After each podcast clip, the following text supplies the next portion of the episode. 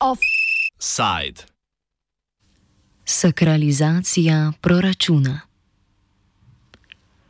V imenu proračuna in bilance svetega tržnega gospodarstva. Amen. Milost našega ministrstva za finance, ljubezen vlade in občestvo svetega proračuna z vami vsemi. In s tvojim rebalansom. Bratje in sestre, priznajmo svoje grehe in jih obžalujmo, da bomo vredno obhajali svete skrivnosti. Vsemogočnemu proračunu in vam, bratje in sestre, priznam, da sem grešil v prihodkih, izdatkih in načrtovanem proračunskem primankljaju. Zato prosim sveto vlado Republike Slovenije, vse ministre in ministrice in tudi vas, prosite za me k nevidni roki blagovednega trga. Usmili se nas vsemogočni proračun, odpusti nam naše bilance in nas privedi v večno gospodarsko rast. Amen. Sledi branje Božje besede.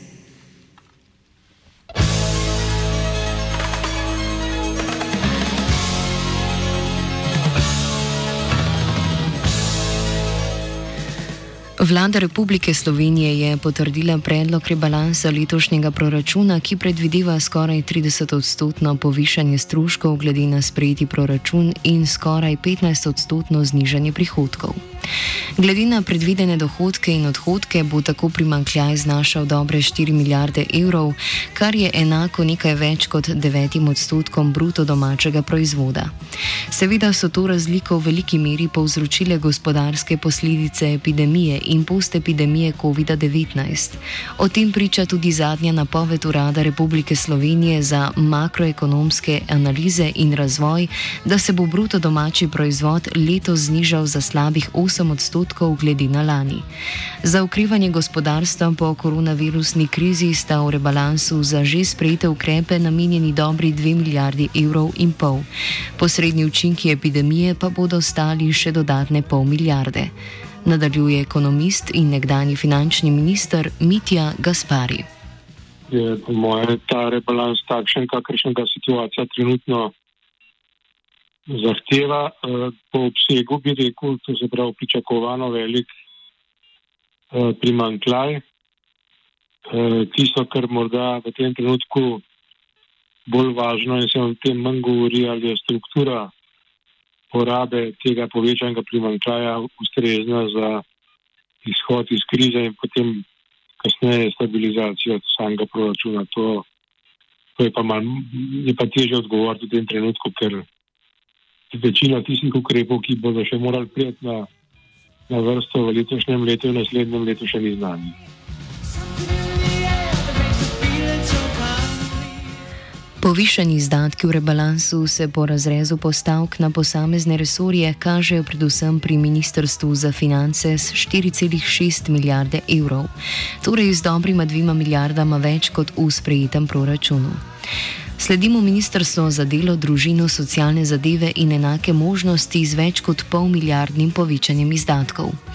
Nadaljne Ministrstvo za zdravje, ki bo bogatejše za 140 milijonov evrov in Ministrstvo za gospodarski razvoj in tehnologijo skoraj enakim povečanjem finančne porabe. Gaspari pojasnjuje, da Ministrstvo za finance plačuje nekatere ključne državne stroške, zato tudi največje povišanje stroškov v rebalansu. Ministrstvo za finance že po definiciji ima največji obseg sredstev, zato ker so pač v njegovih eh, številkah vedno skrite tisti izdatki, ki so praviloma pomembni izdatki za državo, pa, pa jih ni recimo pri drugih ministrstvih, to so recimo razni transferi spis in podobne stvari, ki potem prikažejo pa odplačilo dolga, pa take stvari, ki, ki, ki so v bistvu stvar zakladnice, tako da to ni, to ni neobičajno. Na drugi strani razdelitve proračunske pogače je največ predvidenih sredstev za porabo dobrih 30 milijonov izgubilo Ministrstvo za obrambo. Za njim Ministrstvo za kulturo, ki je izgubilo dobrih 8 milijonov evrov, Ministrstvo za javno upravo, ki je olajšano za slabih 8 milijonov in Ministrstvo za pravosodje s 145 tisoč evri izgube.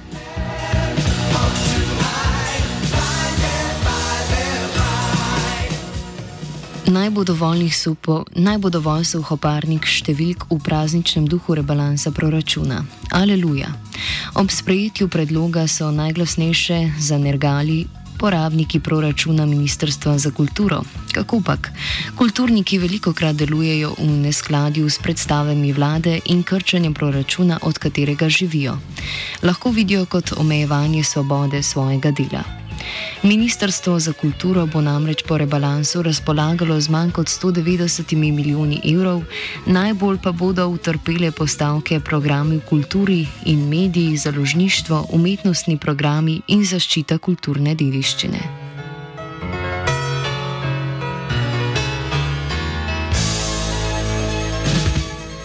Zaskrbljenost ob rebalansu so poleg kulturnikov izrazile tudi štiri opozicijske stranke. Kot ste pravilno ugotovili, le slovenska nacionalna stranka za zdaj ni ugovarjala. Listo Marjana Šarca kot največjo koalicijsko stranko v prejšnji vladi skrbi predvsem 4 milijarde globoka luknja v proračunu. Medtem socialni demokrati v svoji prepoznavni liberalno-ekonomski maniri opozarjajo na premalo razvojno in ambiciozno naravnan proračun. Stranka Linke Bratušek je prepričana, da rebalans pozablja na nekatere panoge, ki zaradi epidemije najbolj trpijo. Levica se temu mnenju pridružuje in dodaja, da gre za stradanje kulture, znanosti in zdravstva. Gaspari pa opozarja na nejasnost vpliva letošnjega primankljaja na dinamiko državnega proračuna v prihodnjih letih. Imam občutek, da ni jasno, eh, kakšne eh, bodo posledice dosedaj povzročenega primankljaja, ki bo večji kot 4 milijarde. Jaz mislim, da je preveč ukrepov bilo namenjenih eh, dokončnim subvencijam ali pa, eh, ne, ne plačilu davkov in premalo eh, ukrepov, ki bi pogojevali takšne stvari, to se pravi, da je to za te ukrepi za solventnost prebivalstva in pa podjetij pogojevani s tem, da če ne bodo, če ne bodo doseženi pogoji, s katerimi so ti ukrepi bili uh, narejeni, da bo potem potreba področeni pogoji to, to vrniti. Tako bo pa, tako je pa lahko učinek teh sredstev, ki bi bil relativno zelo velik, subvencije, potem prispevki in podobno, bo šlo v, v zrak in ne bo eh, za gospodarsko ukrivanje kakšnega velikega učinka kasneje razen zdaj v tem času, recimo ukrep čakanja na, na, na delo, se lepo sliši na kratek rok, ampak če ga bomo podaljševali iz meseca v mesec, bo na koncu vprašali, kako ga sploh končati, oziroma tisti, ki ga dobivajo, bodo sploh še lahko gospodarsko aktivni, ker osnovna značilnost te krize je, da bodo določene panoge verjetno definitivno tako prizadete, da ne bodo več mogli v enakem obsegu delovati tudi v bodoče, kot so recimo turizem in nekatere druge storitve. V prihodnjem letu bo namreč večina državnega financiranja namenjena sanaciji letošnjega primankljaja. Tako bo za razvoj gospodarstva, predvsem tistih panov, ki jih gospodarske težave še čakajo, ostalo predvsej malo denarja.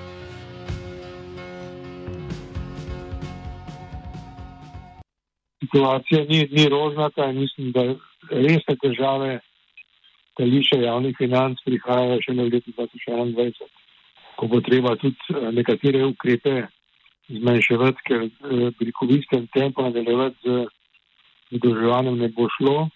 Sredstva Evropske unije, pa če pogledate letošnjo zadolžitev, pa strukturo teh sredstev, ki prihajajo iz Evrope, bo več kot polovico porabljena za letošnji primankljaj, to se pravi, da za leti 2021-2022 ne bo več ostalo ne vem kako ogromno denarja, ki, ki bi bil rekel, še v razpolago, za, da bi lahko uspel deficit na približno enaki ravni, kot bo letos. To se pravi, da že v naslednjih dveh letih bo treba začeti ta deficit krčiti, to pa ni nujno, da bo delovalo blagodejno za uživanje gospodarske aktivnosti in zaposlenosti.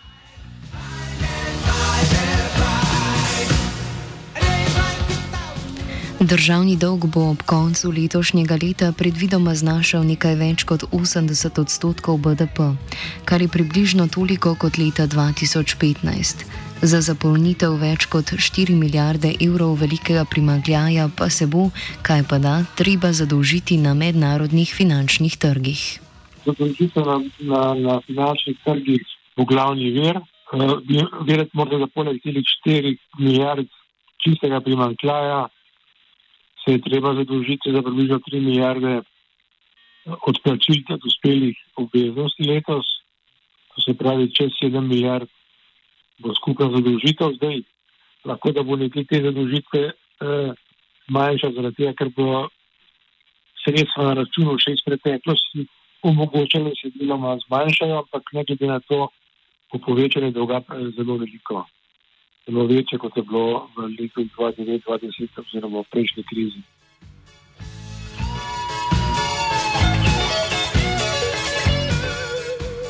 Kako se bo dolg pokril? So vprašali korinčani svojega proračunskega boga.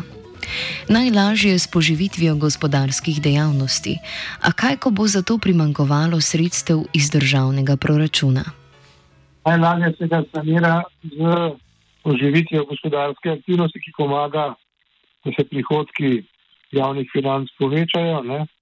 Odhodki, tisti, ki so namenjeni uh, nadomestilu za brezposlo, zmanjšajo. Ne? Na ta način se postopoma potem v družbenem proizvodu zmanjša tudi eh, delež javnega dolga, čeprav ostane recimo nominalno na približno enaki ravni.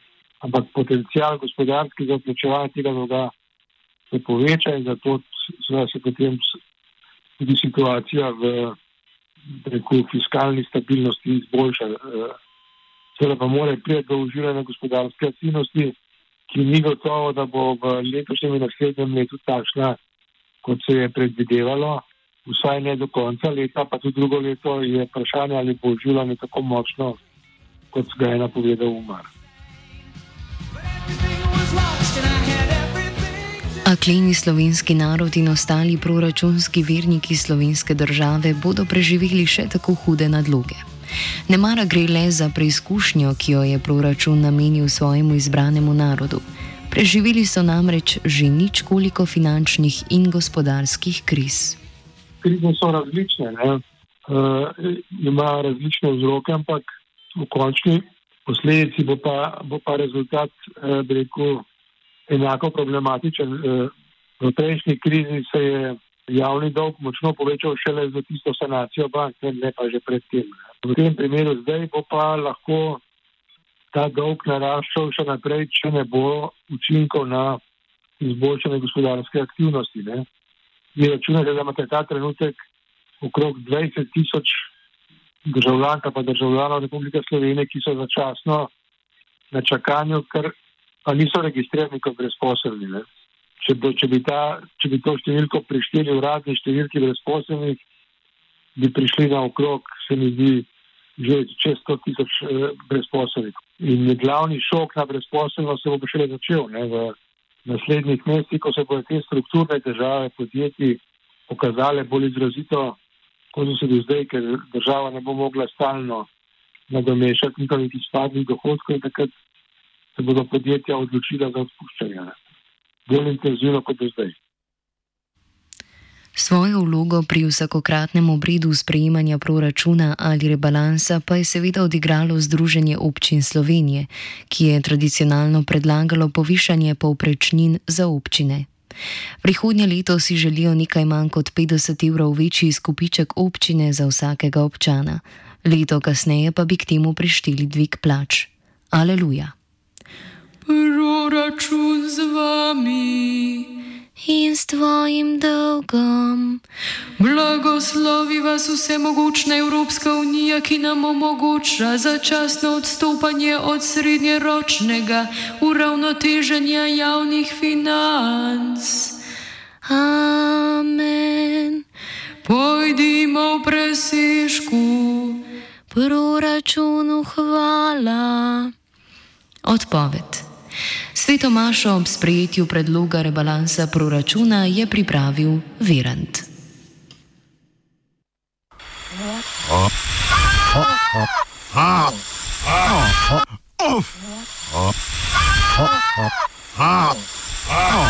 Offside.